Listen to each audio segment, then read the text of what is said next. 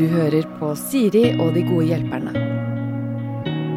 Mine gode hjelpere denne gangen er av musikalsk karakter. Erlend Ropstad og Eva Wehl eh, Skram eh, er altså eh, Dere har litt sånn konsertpause akkurat nå. Eva har hatt en lang sånn konsertperiode bak seg. Erlend har hatt litt fri, men skal på'n igjen til sommeren. Mhm. Veldig aktuell med ny plate. Brennaktuell. Brennaktuell. Eh, Gleden og sorgen heter den. Kom på fredag. Ja. Mhm. Gratulerer med det. Tusen takk. Den er dødsbra. Jeg Gleder meg til å høre. terningkast seks fra meg. Ja, meg òg. Takk. Takk. Ok, vi skal ta en rekke problemer her. Og uh, det første handler om løgn. Altså en liten hvit løgn, da. Og her står det. For noen uker siden fikk jeg en prøveuke på treningssenteret til en venninne. Saken er at jeg allerede har hatt en slik uke for fire, fem, seks år siden. Så jeg husker ikke helt hvordan stedet var. Istedenfor å bare fortelle dette, sa jeg bare halve etternavnet mitt og løy om fødselsdato. Jeg ville sikre meg at jeg fikk en ny prøveuke, og at de ikke kunne finne meg i registeret. Nå har jeg jo lyst til å starte der, for jeg likte det så godt. Det er virkelig stedet for meg. Men hva pakke- pokker gjør jeg, da? Skal jeg legge meg flat? Dersom jeg melder meg inn ved desken, får både jeg eh, og henne en gratis måned. Men da må jeg sikkert oppgi navn, vise legitimasjon og si fødselsdato. Eller kan jeg prøve å gjøre det på nett og håpe at de ikke graver i meg? Jeg har virkelig rotet meg inn i noe her. Jeg tror dere, får, tror dere jeg kan få tilgivelse hvis jeg bare legger meg flat? Huffa meg. Hilsen rådvill treningsguru. Skjønner dere her at det er en som har prøvd å finne et smutthull, Ja. og ikke klart Ja. å tenke langt nok i Men det var smutthullet. Var det fire, fem, seks år siden? Mm. Ja, men det er jo en evighet. Det en evighet. I, det kan jo ha hatt forskjellige eiere i det treningssenteret. Mhm. Så det, det, det tenker jeg ikke er løgn i det hele tatt. Det er jo sikkert nye instruktører, og alt er nytt nå versus da. Nytt register. De har sikkert sletta. Ja. Ja. Sletta de som var inne for å teste for fire-fem år siden. Men dette burde hun ha tenkt da, og heller sagt sånn Ja, Ja. jeg var her for fem-seks år siden, men Ja. nå er alt nytt, så jeg må si at jeg må bare Ja. teste det om igjen. Er det greit? Og så hadde hun fått ja på det. Ja. Mhm. Den er etterpåklok, da. Ja, Mm. det er det å komme i disken og si sånn Ja, det står her at du er født 5. januar eh, 92. Hun lagt Nei, hun jeg- gikk feil. Du har jo ljugd på navn og, og alt. Alt sammen. Var ikke det bare kutta et etternavn? Nei. Jo, og gjort Jo. om på fødselsdato. Gjort om på fødselsdato! Ja. Nå er jeg med. OK. Så hun Ja. må jo på en måte, for å bli medlem, så må hun jo enten fortsette å ljuge, og dokumentforfalske og på en måte gjøre denne løgnen større enn den allerede er. Eller Ellers bare må hun innrømme at hun har ljugd. Kan hun si at du har sånn eh, Hva heter det når du har sånn dysleksi-tall? Ja, hva heter Ja. det igjen? Ja, det heter noe, men det Um, fins. ja. Mm. Men man husker sin egen uh, fødselsdato. Kanskje, kanskje det er noe Ja. som heter sånn ID-Tourettes. At du bare Ja. ut med, med Feil. feil. Ja. Som en slags eh, At det er en diagnose som ikke er så kjent. Jeg har aldri hørt om det. ja, men Men da er det- dere fortsatt på fortsett å ljuge-sporet her, merker jeg. Ja, Ja. ja, eller så kan man forklare det med å si beklager, altså, nå ble det feil. For jeg, Ja. har, jeg har dette her syndromet her som er veldig sjelden, som ingen har hørt om. Hvor jeg, hvor jeg stadig oppgir uh, falske ID. Nei, det, det var søkt. Nei, men hvis hun virkelig har lyst til å fortsette å trene der, Mm. da må hun nesten bare si det som det, da. Ja, for er det ikke så, eh, Stopp meg i dette, for det kan hende at det bare er meg. Men jeg, eh, jeg kan være glad i en god løgn innimellom. Ja. Eh, men jeg er enda mer glad i er å avsløre mine egne løgner, for da Ja. dette, er, dette vet jeg ikke om jeg har fortalt noen før, men eh, når jeg forteller at jeg har ljugd, så føler jeg meg litt søt. og det er ikke så veldig ofte jeg gjør, for jeg er ikke noen type søt person. Men da føler jeg meg litt sånn hi-hi, eh, vet du hva jeg har gjort? Aktig. Ja, ja. Hva- Det er sånn komme- løgn, løgnfetisjist. Det, det er det nye syndromet. Dette har vi ikke snakket om heller. Det er kjempegøy. Men kan hun ikke gå til kassa og si sånn "Eh, Sorry, Ja. jeg burde sikkert sagt at uh, jeg har trent her før. Jeg turte ikke, men, og nå elsker jeg å trene her. Det eneste Ja. jeg vil, er å trene her. Ja. Men da må jeg jo være ærlig og si at jeg har ljuget på absolutt alt. Men pff, hva Vil det være teknisk altså, mulig å si at det der det ble feil når jeg skulle få denne der gratisuka? Uh, jeg ser at det her har noen skrevet datoen min feil og navnet mitt feil. Skylder Skyld på andre. Skylder på andre. Ja, at, det er du, at du sier at vet du hva, eh, den personen som satt Ja. i luka her eh, den gangen, har sannsynligvis På navnet mitt er egentlig det. Eh, Ja. Og så, så, så forsøker å bare liksom dytte dette over på, på de ansatte. Det er ganske strengt da på sånne treningssentre, er min erfaring. Jeg har jo prøvd Mm. å komme meg ut av sånne Ja, det er avtaler. mye vanskeligere. det som jeg egentlig har har hatt mest problemer med. Ja, Så du mener at det kan være såpass strengt at hvis vedkommende her sier sitt ekte navn og fødselsdato, så vil få trøbbel? Ja, Eller må Nei, betale for den uka, jeg eller vet ikke. Jeg vet ikke. betale for de fire åra siden forrige prøveperiode. Hva med å si at uh, det var så lenge siden jeg var her sist, Mm. sånn at jeg følte at jeg følte jeg egentlig fortjente å få en ny gratisrunde for å liksom sjekke Mm. ut om det har endra seg eller blitt bra. Mm. Burde bare vært ærlig på det, så hadde jeg sikkert fått det. Men jeg er litt sånn redd for sånn eh, eh, formaliteter og ting og tang, så jeg turte ikke å bare si det. Så Ja. Da var det lettere for meg å bare dikte opp navn og, og sånn. Men så trivdes jeg, da. Og det var jo det beste. Ja, for vi, man må legge inn noen komplimenter bli. her. Si sånn, vet du hva? Ja, Nå har jeg vært der en uke. Det har Mhm. blitt så utrolig fint her. Og nå Ja. hører dere sikkert at jeg sier 'blitt', yes. for jeg har jo vært der før. Mm. Og da slutta jeg å trene her, for jeg syns ikke det var noe fint. Nei. Men så ville venninnen min at jeg skulle være her, så turte Ja. jeg ikke å si til henne at vet du hva, det treningssenteret der liker jeg ikke. Men nå gjør jeg jo det, for dere har jo pussa opp Mm. og Mm. Men jeg måtte en gratis testuke til for at jeg skulle komme frem til den konklusjonen. Ja. Så selv om jeg jugde, nå vil jeg begynne. Er det greit? Ja. Mhm. Jeg tror det er Ja. greit, jeg. Det kan Ja. gå. Ja. Være ærlig, men også liksom skryte litt, og, og si at det var en grunn til at jeg slutta. Ja. ja. Men Ja, ja. nå er det blitt så bra. Ok, vi går for eh, rådvill treningsguru. Masse ros. Mm. Eh, og så kan det godt være litt sånn prøvende, altså sjekke sånn Ja, når du skal eh, registrere deg, så sier du hele navnet og fødselsdato, se om det i hele tatt reagerer. Hvis ingen reagerer, Ja. så trenger du ikke å si noe. Hvis de begynner sånn Du sa jo at du het Lotte, ikke Charlotte. Eh, Det og det står en helt annen fødselsdag. Som Ja. sånn Jeg vet du hva, sorry. Jeg var så redd for at ikke jeg skulle få treningsuke at jeg bare. Jeg fant på noe, jeg. Mm. Skyt meg. Eller Ja. altså, og så må det bare Mm. være helt ah, Jeg kan godt betale for den uka. Sett startdato forrige uke, da. Det går bra. Ja, smart. Jeg tror du kommer unna med de greiene der. Ja, det tror jeg òg. Ja, ja, ja. Her er det en som lurer på om det er grunn til bekymring. Hei. Først vil jeg bare nevne at jeg vil være anonym. Dere kan gjerne kalle meg for sweet baby girl, men jeg er en mann. Til problemet. Jeg har blitt sammen med eksen, og vi er nå samboere etter flere år med singellivet. Hun var i denne perioden ute og lufta vingene sine. Jeg på den annen side brukte tiden på å finne ut av livet. I denne perioden fikk hun seg en liggevenn, som i dag har blitt en god venn. Nå snapper de masse, og i dag tidlig våknet jeg til en snap som kom fra han klokka tre i natt til hennes telefon, som hun hadde lagt på min side av sengen før hun sovnet. Jeg må bare understreke at jeg ikke snoker i sakene hennes uten å kaste et lite øye til skjermen hennes fra tid til annen. Dette i seg selv trenger ikke nødvendigvis å være grunn til bekymring, men når hun også trekker seg unna meg hver gang jeg nærmer meg hennes personlige sone, blir jeg litt oppgitt. Jeg vil jo ikke bo med noen som ikke vil være nær meg. Jeg vil også nevne at det var hun som tok opp igjen kontakten igjen og ville prøve på nytt. Om ikke hadde det vært innlysende at hun ikke likte meg mer, men jeg aner ikke. Jeg er redd for at hun kaster eh, seg ut i det fordi jeg er en god nødløsning, siden hun vil ha barn etter hvert, og hun vet at jeg er en sympatisk fyr som kunne blitt en helt ok far. Hva tenker dere, er det greit å være bekymra for at hun snapper masse med en fyr hun har ligget med tidligere, og at forholdet oss imellom er på tørke? Hilsen mulig salattråkker. Altså, jeg syns det Jeg syns han vekter Det er jo to problemer. Jeg syns han vekter ja. litt rart, men det er meg. Jeg skulle likt å visst om han får lov å henge med den andre personen. Eller om det bare er på Snap og sånn. Eller hvordan kontakten er. Ja, om eh, kjæresten hans får lov til å henge med denne eks-liggevennen. Ja, og at de er sammen alle tre, og med flere venner. Å, Og, ja, sant? For hvis det aldri er noe sånn Hvis, hvis denne her eh, Hvis vi kaller de for kjæresteparet, da. Ja. Hvis kjæresteparet alltid får lov å ha med denne vennen som er en eksligvenn Mm. hvis, eh, hvis hun alltid på en måte inviterer til fest med masse, og det aldri er liksom sånn at hun prøver å få én-til-én-tid med den eksligvennen, Skjønner. da ville jeg ikke tenkt at det var grunn til bekymring.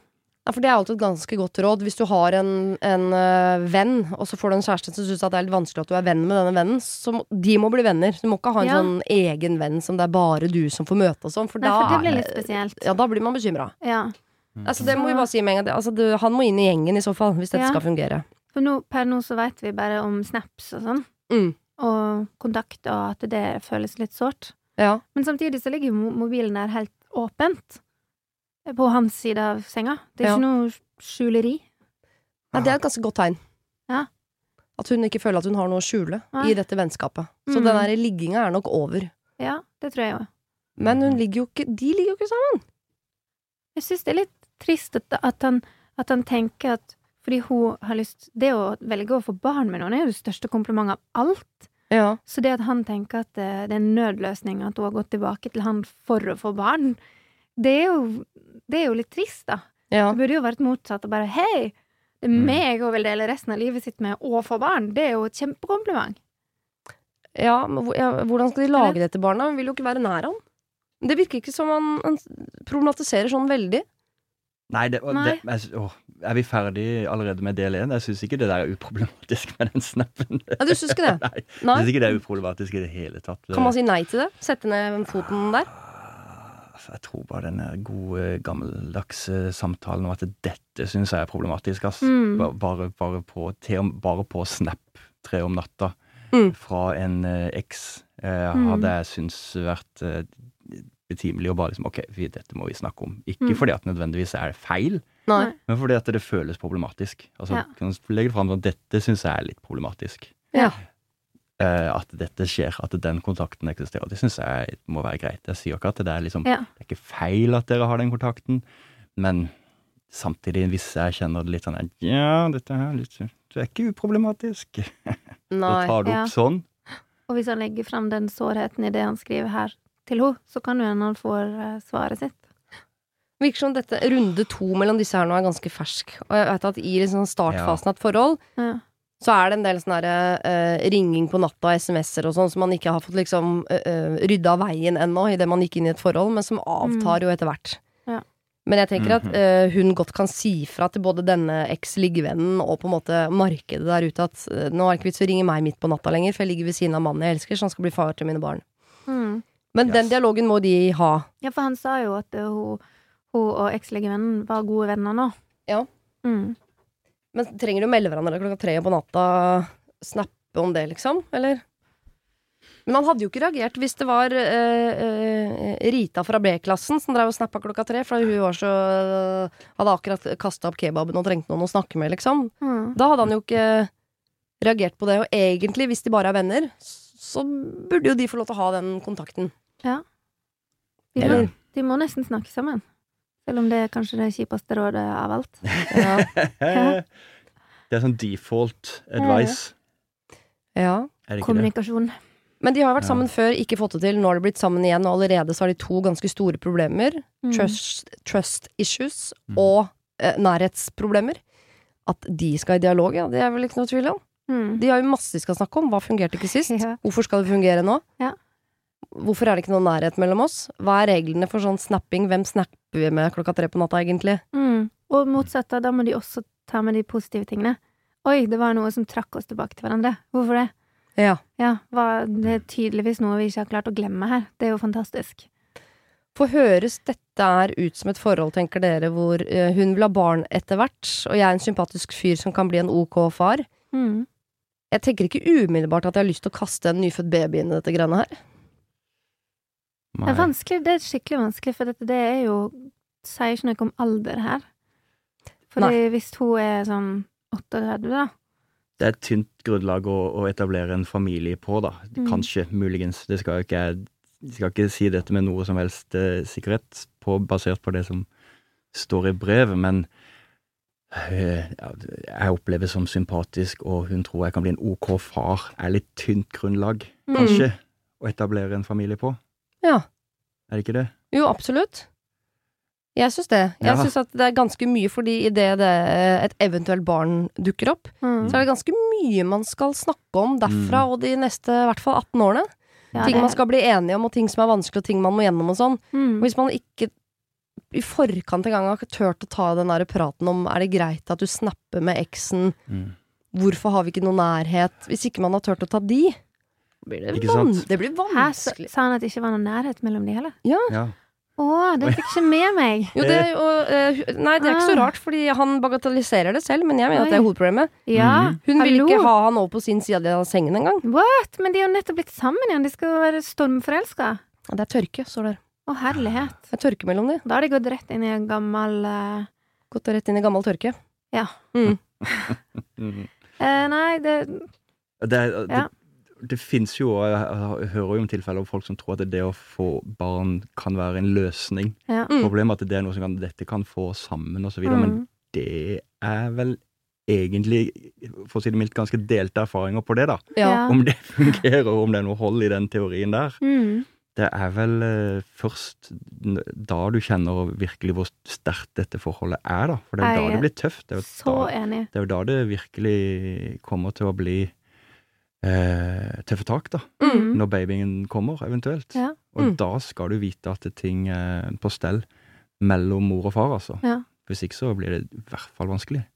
Jeg tror jeg bare, Nå eh, leser jeg veldig Ikke bare litt mellom linjene, jeg leser en hel bok mellom linjene her, men og putter inn egen erfaring, og uh, nå Mhm. holder jeg på, men jeg syns det høres litt ut som en som da uh, har vært ute og hatt sin ramspringa, driver og ligger rundt, og nå er hun tilbake på sånn Nei, nå trenger jeg uh, trygghet og nærhet, jeg begynner å bli voksen, jeg vil etablere familie, jeg vil ha barn. Mm. Eksen var jo en sympatisk fyr.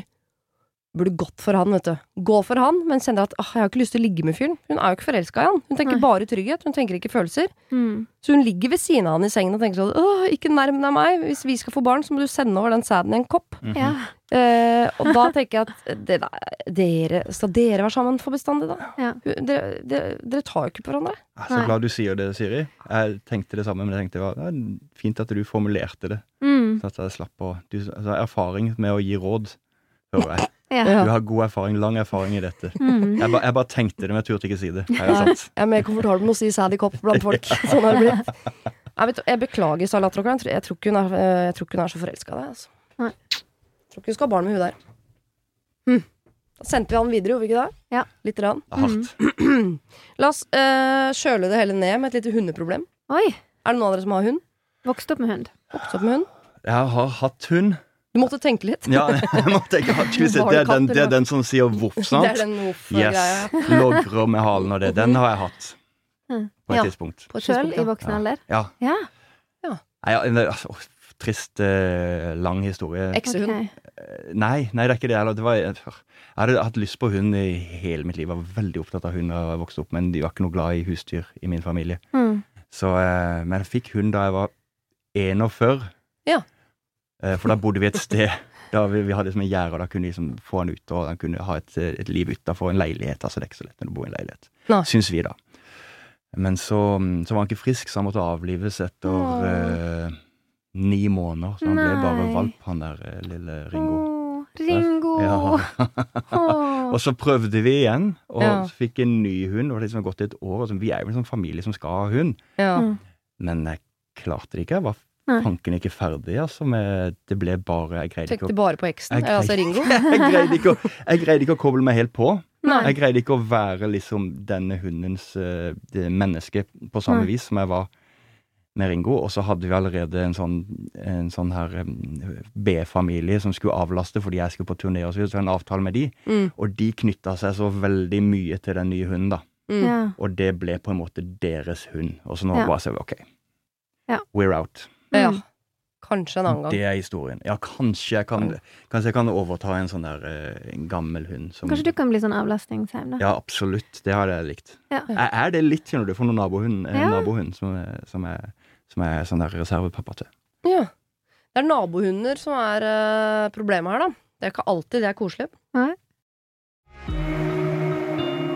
Har du et problem og trenger hjelp, ja, så sender du det til meg. Da bruker du Siri, alfakrøll, radionorge.no. Mannen min og jeg flytta for snart to år siden til et nytt lite nabolag. Med på lasset hadde vi hunden vår, og vi har nå en baby og en til på vei. Vi er omkring ti naboer, og de fleste er veldig hyggelige. Men naboen nærmest oss eh, er en tomannsbolig. Og de som bor eh, i begge deler, er i familie og har fem hunder fordelt mellom seg. Oi. Det er generelt mye rot rundt boligen, typ hundegård, hjemmesnekra utekjøkken, drivhus, paviljong, trampoline, basseng, hundehus, minidrivhus, and the list goes on. Det største problemet vårt er dog hundene deres, det vil si to av hundene deres. Hundene er av stor rase og har eh, luke i verandadøra slik at de kan gå fritt ut og inn.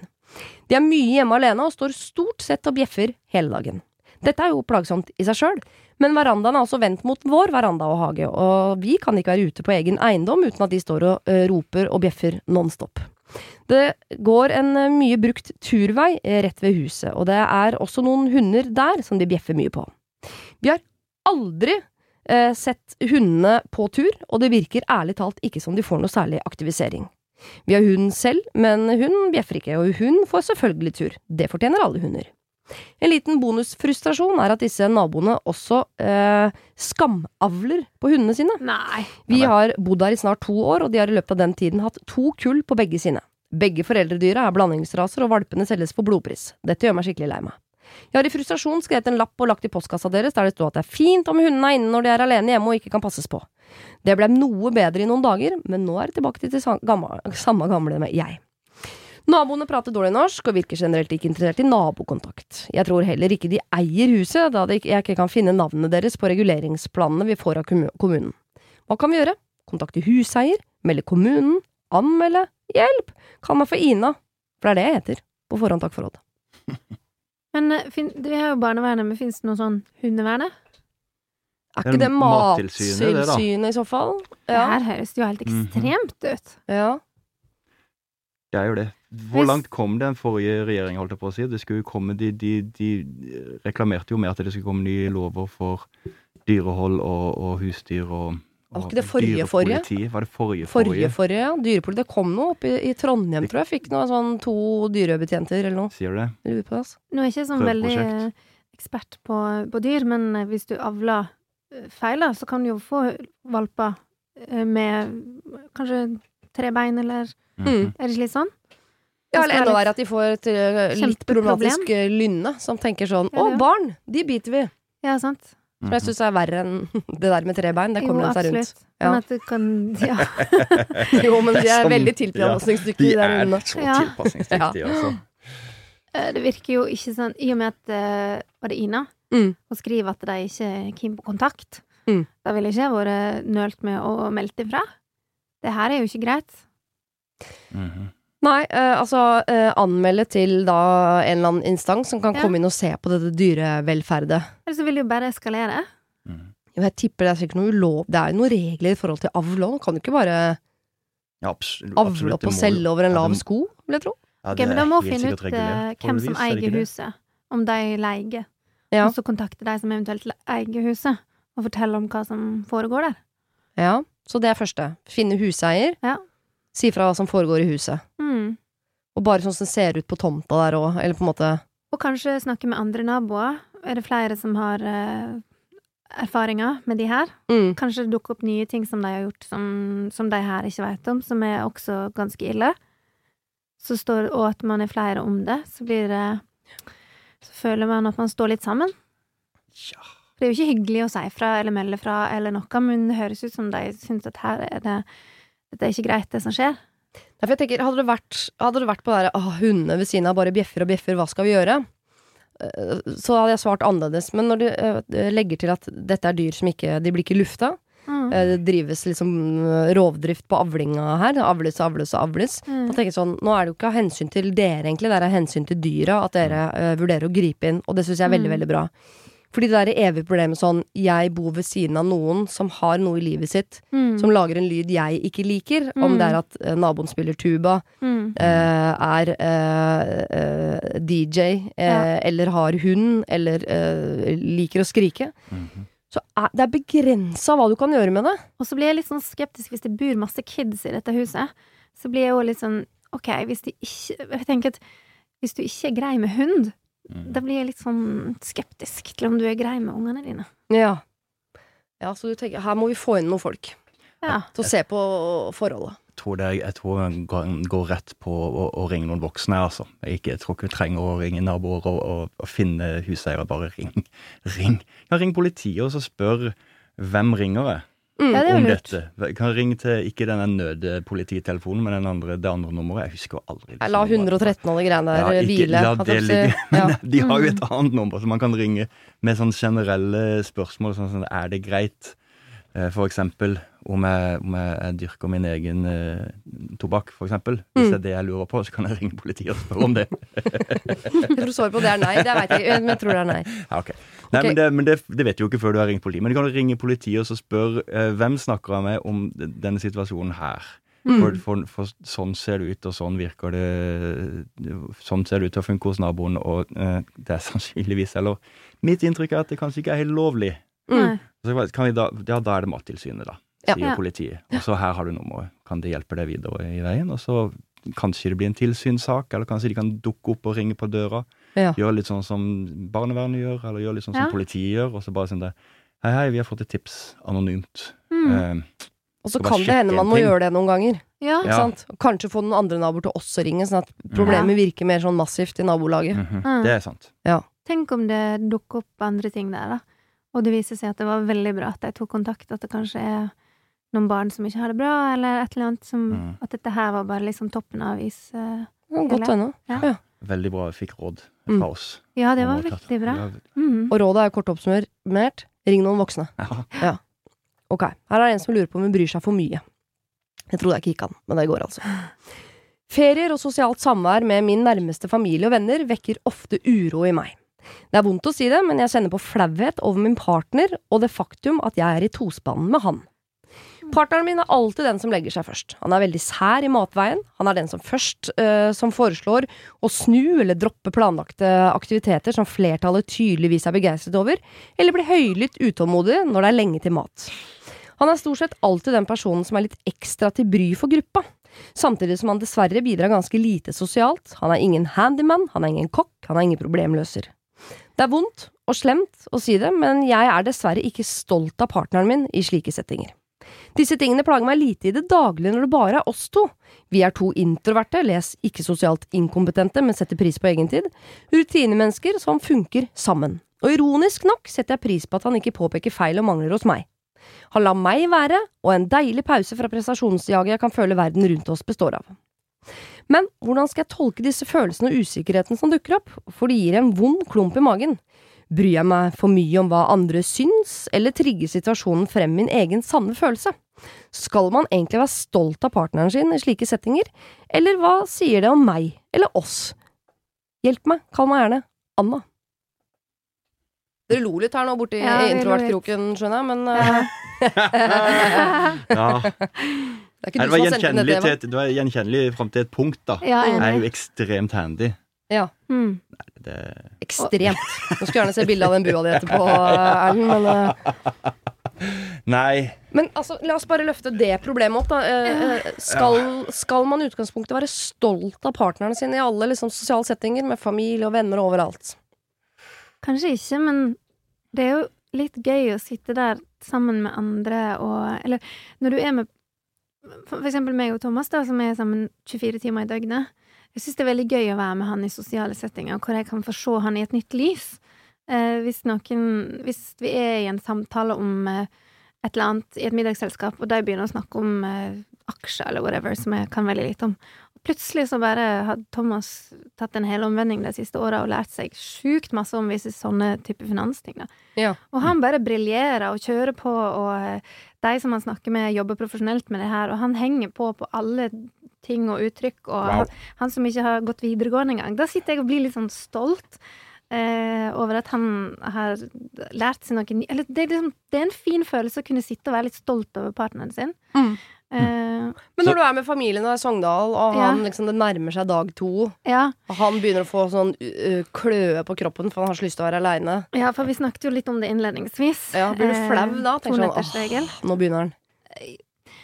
Ja, litt, men nå kjenner de han godt, da. Sånn at de veit at han eh, Fordi det var derfor vi lo litt når du leste det her. For jeg, kjente igjen eh, Thomas på litt, og så tror jeg Erlend kjente seg igjen i litt. Jeg gjorde det. Men ikke der hvor det liksom bikker over til at du bare ikke bidrar på noen som helst form. Jeg kan skjønne litt at hun eh, Anna At man blir flau. Ja, det kan Mm. jeg skjønne. Ja, for jeg setter jo pris på mennesker som, som gidder å være sære, og som, som er på en måte Selv om jeg mener at det går en sånn linje mellom å være prinsippfast og bare være vrang. Ja. Ja. For det er noe med sånn Nei, så elska ikke du kubb, da. Ja. Men nå har alle bestemt seg for kubb. Ja. Bli, da blir du med på kubb. Jeg, Jeg er jeg elsker vel ikke kubb, jeg heller, men jeg kan vel alltid spille kubb et kvarter. Ikke drept noen, det. Det vet Nei. jeg ikke, det kan godt hende. Men ikke, Men ikke en time. Nei, men ikke vær så sær at sånn Nå skal ni av ti her spille kubb. Mm. Jeg vil løse kryssord. Ja. Ok. Ja. Da, Altså, i, venne, nei. i vennekretsen så setter jeg alltid veldig pris på de som er awkward i sånne der sosiale scener. Jeg syns det er så gøy, og det mest interessante folka er jo de som, som kanskje er litt dårlige på det der, da. Mm. Altså, som er litt sånn kantete sosialt, og som, som tråkker litt uti det og, og ikke trives så godt. Mm. Ja. så det kan bli ganske interessant og, og, og gøy og sånn, men, men som partner så er det kanskje stiller det seg Ja, pluss at det er forskjell på å treffe på de personene litt på fest, Ja. enn som hun gjør, som opplever om å være en hel helg med familie eller venner, og så Ja. sitte konstant på skuffelse etter skuffelse etter skuffelse, at liksom ikke han ja. gidder å ta tallerkenen sin bort. Eller bare sånn folkeskikk, høres det ut som, da. Ja, ja. Fordi at du Og gidde å være en del av gruppa. For jeg, greit, Ja. Noen ganger tenker sånn eh, Jeg eh, kan selvfølgelig kjenne meg igjen i det hele introvertpakka, men ikke bruk det som sånn hvitt flagg du heiser i enhver anledning for å slippe Ja, å er gjøre noe enig som helst. For det er ikke sånn, du er jo ikke Du har jo bein og armer og et hode som fungerer. Du må jo kunne Mm. Ja. Selv om ikke du elsker at man er en flokk som løper etter ball, så mm. gidd det, da! Ja, tre, ja. tre minutter, liksom. Ja. Det, så, da, ja. Er, Jo. er det, ja. ikke alltid, men innimellom. Jeg synes det er litt Kan jeg- ikke si nei til alt. Nei, jeg kan ikke si nei til alt, men jeg syns det er litt sånn greit å være litt kantete, og hvis det blir litt konflikter og litt sånn krangel og sånn, det skal jo ikke alltid Vi skal ikke være liksom full sånn der Edelweiss-stemning og løpe over eh, liksom blomstereng Mm. og ha det fantastisk fett og harmonisk alltid. Det er ikke sånn livet er. Nei. Hvis du har en partner som ikke funker så bra sosialt, da, Mm. og som ikke tar de der signalene og som ikke rydder etter seg, eller er litt kantete og er frekk, og, eller Mm. nedlatende og sånn, ja, ok. Så, så kan du kan dere ha en liten Så kan dere være uenige om det, så kan det til og med være et kime til en liten konflikt, men det er ikke noe Jeg syns ikke det er noe sånn der deal-breaker i det hele tatt. Sånn kan det være. Så du men, mener at hun ikke skal være eh, flau over ham, men heller bare tenke at Ja. sånn er han? Det- Sånn er han, men så kan det godt Hvis hun blir flau, så er jo det en reaksjon som, som kommer, Mm. og så blir hun flau. Ja. Det er jo flau, da.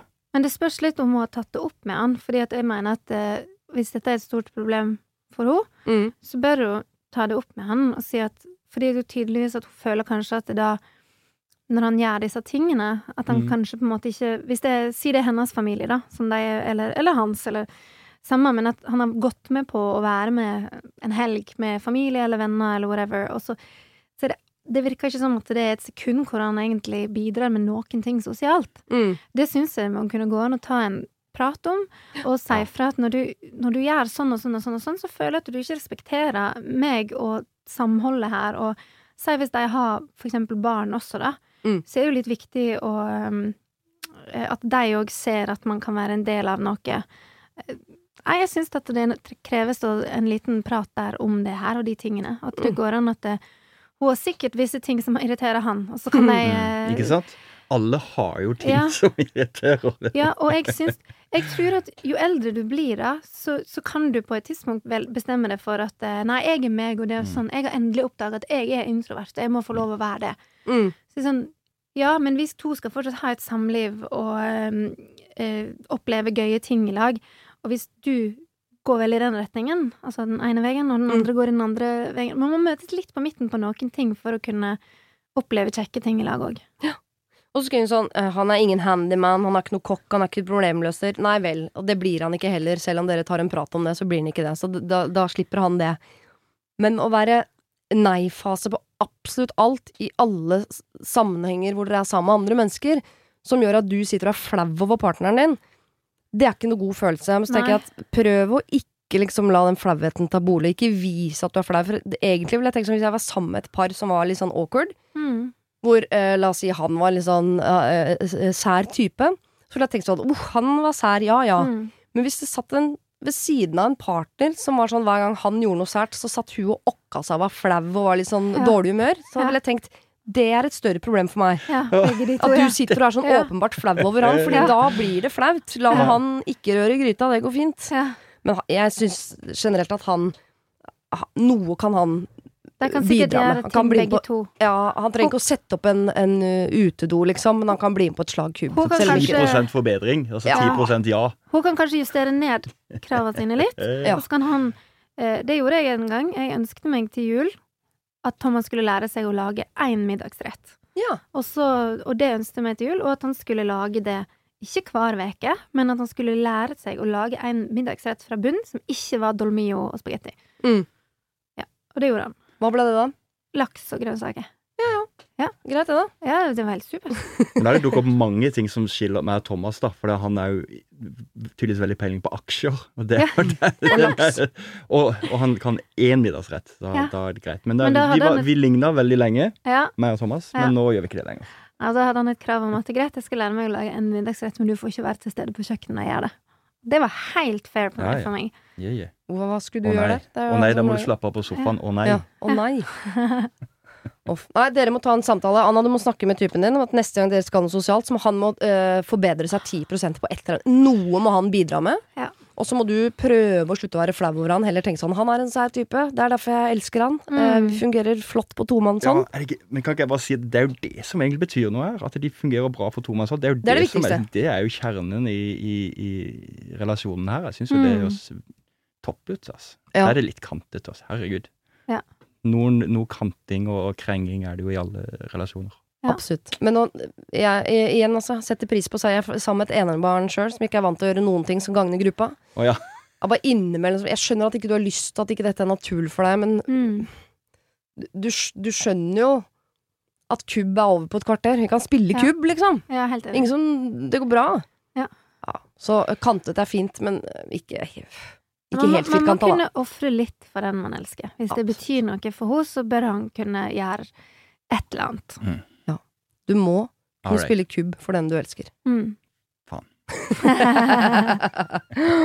Vi avslutter med et spørsmål, eh, eller et problem med overskriften 'Skal jeg kaste ut moren min?'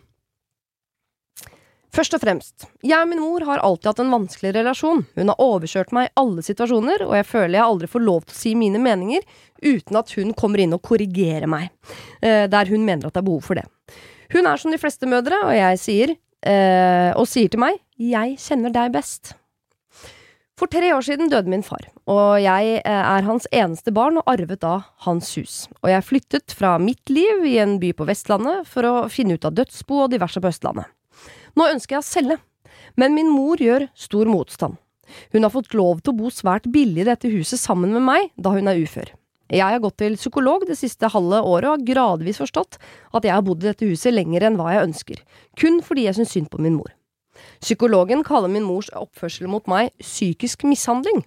Jeg har gjentatte ganger prøvd å si fra til min mor hva jeg føler, både i form av samtale og på SMS. Jeg er langt nede etter vår siste samtale, der min mor kom med vonde og stygge anklagelser om at jeg bare bruker og kaster henne, at jeg er egoistisk og kun tenker penger. Jeg gikk midt i samtalen, og fikk i ettertid til sammen fire SMS og fem e-post med dritt. Hun bruker til og med min avdøde far imot meg. I den siste e-posten spurte hun også om å få låne penger, og om hun kan ta med seg eh, møbelet til min avdøde far. De aller fleste menneskene som står meg nær, kjenner min kontakt med min mor, og syns at jeg burde kutte den. I det minste for en stund. Grunnet dårlig familiekjemi har min eh, mor bare meg og min lillesøster. Jeg har lite kontakt med øvrig familie på grunn av situasjonen. Men hva gjør jeg nå? Jeg har alltid takket min mor for hva hun har hjulpet meg med i forbindelse med arv, hus og hund og bil osv., eh, men fortjener eh, jeg det jeg opplever fra henne nå? Jeg har bestemt meg for å selge huset, og jeg har startet en salgsprosess, men burde jeg gå til det punktet at jeg burde kutte ut min mor? For psyken min er nok det det beste, men det er jo tross alt moren min, da. Og hva gjør jeg egentlig om min mor nekter å flytte? Ekstra fakta, jeg er 27 år. Min mor og far gikk fra- hverandre da jeg var ca. fire, og de var da selvfølgelig ikke et forhold når far døde.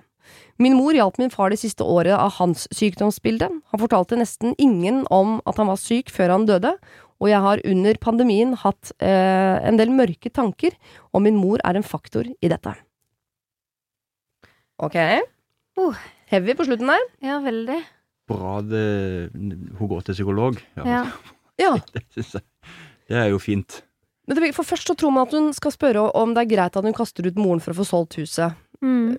Det virker jo som hun har bestemt seg for at det skal hun. ja. og hun starta prosessen. Ja. Men så lurer hun på om hun i, når hun først liksom er i den prosessen som Ja. handler litt om å kutte mor her, Mm. om hun skal kutte henne helt. Gud, den var vanskelig. Det var Ja. veldig Dette er en vanskelig situasjon, altså. Ja. Jeg må bare si, eh, Første tanken min er at hvis du velger å kutte moren din nå, som du står helt fritt til, så tror jeg ikke du på en måte er fri fra moren din uansett, hvis du skjønner. Nei. Jeg tror ikke problemet er løst ved at Mm. du har tatt det valget, for du vet at hun fins, og følelsene til henne er der. Mm. Så det er ikke sånn Oi, der var det borte! Hos søstera er det dattera til mora òg? Mm.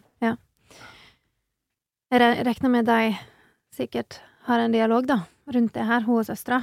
Ja, det vil jeg tro. Um, det hørtes utrolig vanskelig ut, hele situasjonen. Mm. Vi vet jo ikke hvilke alternative bomuligheter hun mora har, da, hvis hun Nei. skal ut av dette huset.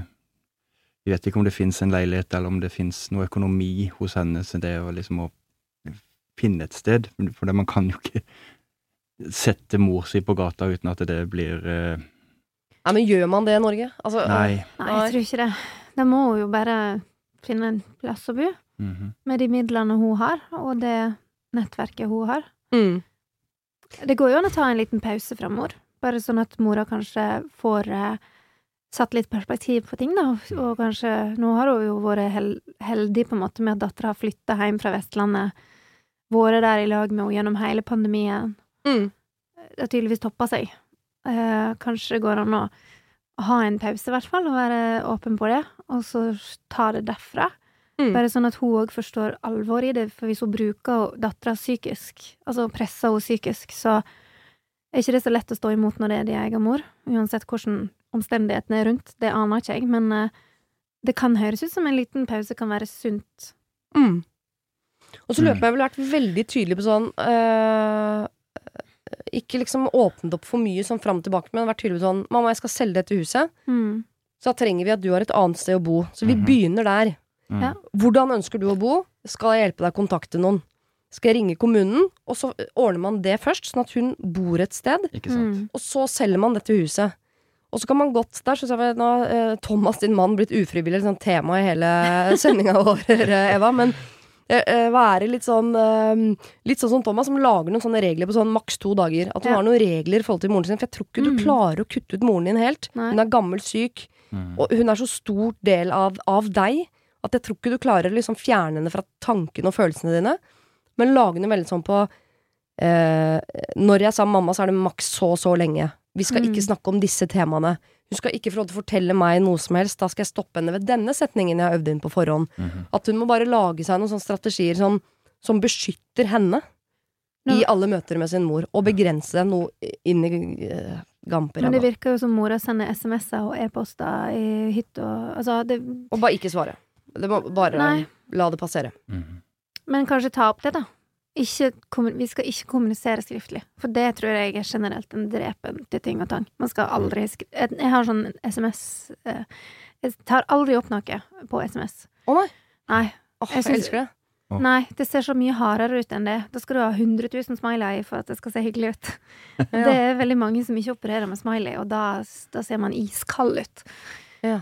Tenker Nei, jeg er Hva motsatt, du for eneste stedet jeg klarer å være pedagogisk, er skriftlig. Med en gang jeg får være meg selv, så syns jeg situasjonen er så flau at da skrur jeg meg til, og så blir jeg grusom. Nei, skriver du på SMS? Må skrive. Å, herregud. Må Jeg, skrives. tydeligvis blir jeg oppfatta som en iskald jævel, for jeg sender jo aldri Jeg sender jo bare SMS uten smileys. Så der, nå, takk. Nå fikk jeg ny info om hvordan de eh, jeg blir opplevd. Ja. Men du ville ikke brutt med din mor på SMS uten smiley? Da ville du lagt inn en liten, okay, en liten- blunkefjes eller En noe. liten sånn der, kanskje det. Ah. Men dette var, jeg syns dette var et heavy, Dette er heavy, ja. heavy Ja. problem. Og det der, jeg, Går det an å havne på gata i Norge? Det gjør ikke det. Men samtidig, den prosessen, hvis du skal inn i det offentlige nå, så er det Nav-systemet. Og det Herregud. Det virker Det er ikke, det er ikke enkelt. Det, er, det, det kan være en vanskelig, vrien, tung prosess, liksom. Men det å avklare det boligsituasjonen for mora her, Mm. det tror jeg er en nøkkel, altså. altså Og så tror jeg, at selv om uansett hvor Ikke uansett, selvfølgelig, men eh, så fæl som det høres ut som Eller så vanskelig som det høres ut som det har vært å ha moren i sitt liv, Mm. så har man allikevel den der samvittigheten som Hvis ikke så hadde hun bare brutt for lengst. Hun har jo Mm. masse samvittighet overfor moren sin allikevel. Mhm. Og den tror jeg ikke du blir kvitt, med mindre du faktisk gir den litt næring i form av sånn 'jeg hjalp henne å finne leilighet'. Ja. Jeg tror hvis hun nå går bare helt sånn ut, setter henne på gata, null kontakt, det tror jeg ikke hun kommer til å ha noe godt med sjøl heller. Nei. Nei, Nei. absolutt ikke. Mm. Herregud. Men det er jo lov. Eller altså, Hvis mora er ufør, så er hun vel i et system et eller annet sted. ja. Så hun har vel en eller annen kontaktperson i Nav eller i en eller annen instans som det går an å snakke med rundt disse tinga. For det er jo dattera som har arva dette huset, og ikke mora. Mm. Og de gikk fra hverandre da hun var fire, sånn at hun Ja, selv om de hadde nær kontakt før han døde, så er det jo ingen tvil om det. Men hvis det er visse møbler som hun ville ha, og hun dattera ikke bryr seg om de, så la hun få de møblene, tenker jeg. Ja, ja. Så hun er knytta til de. Men i og med Norge og alt dette, vi, vi, vi havner ikke på gata. Men er det noen andre instanser som man kan ringe? Fins det Var det f.eks. en, en eh, advokat som hjalp til med arveoppgjøret? Altså, fins det noen andre som, som instanser, eller voksne, som man kan slå på tråden til for å få råd da, i forbindelse med et sånt oppgjør? For dette er jo fremdeles et arveoppgjør, går jeg ut fra. At det fins noen som kan liksom bistå med rådgivning osv. Hvordan går man videre her?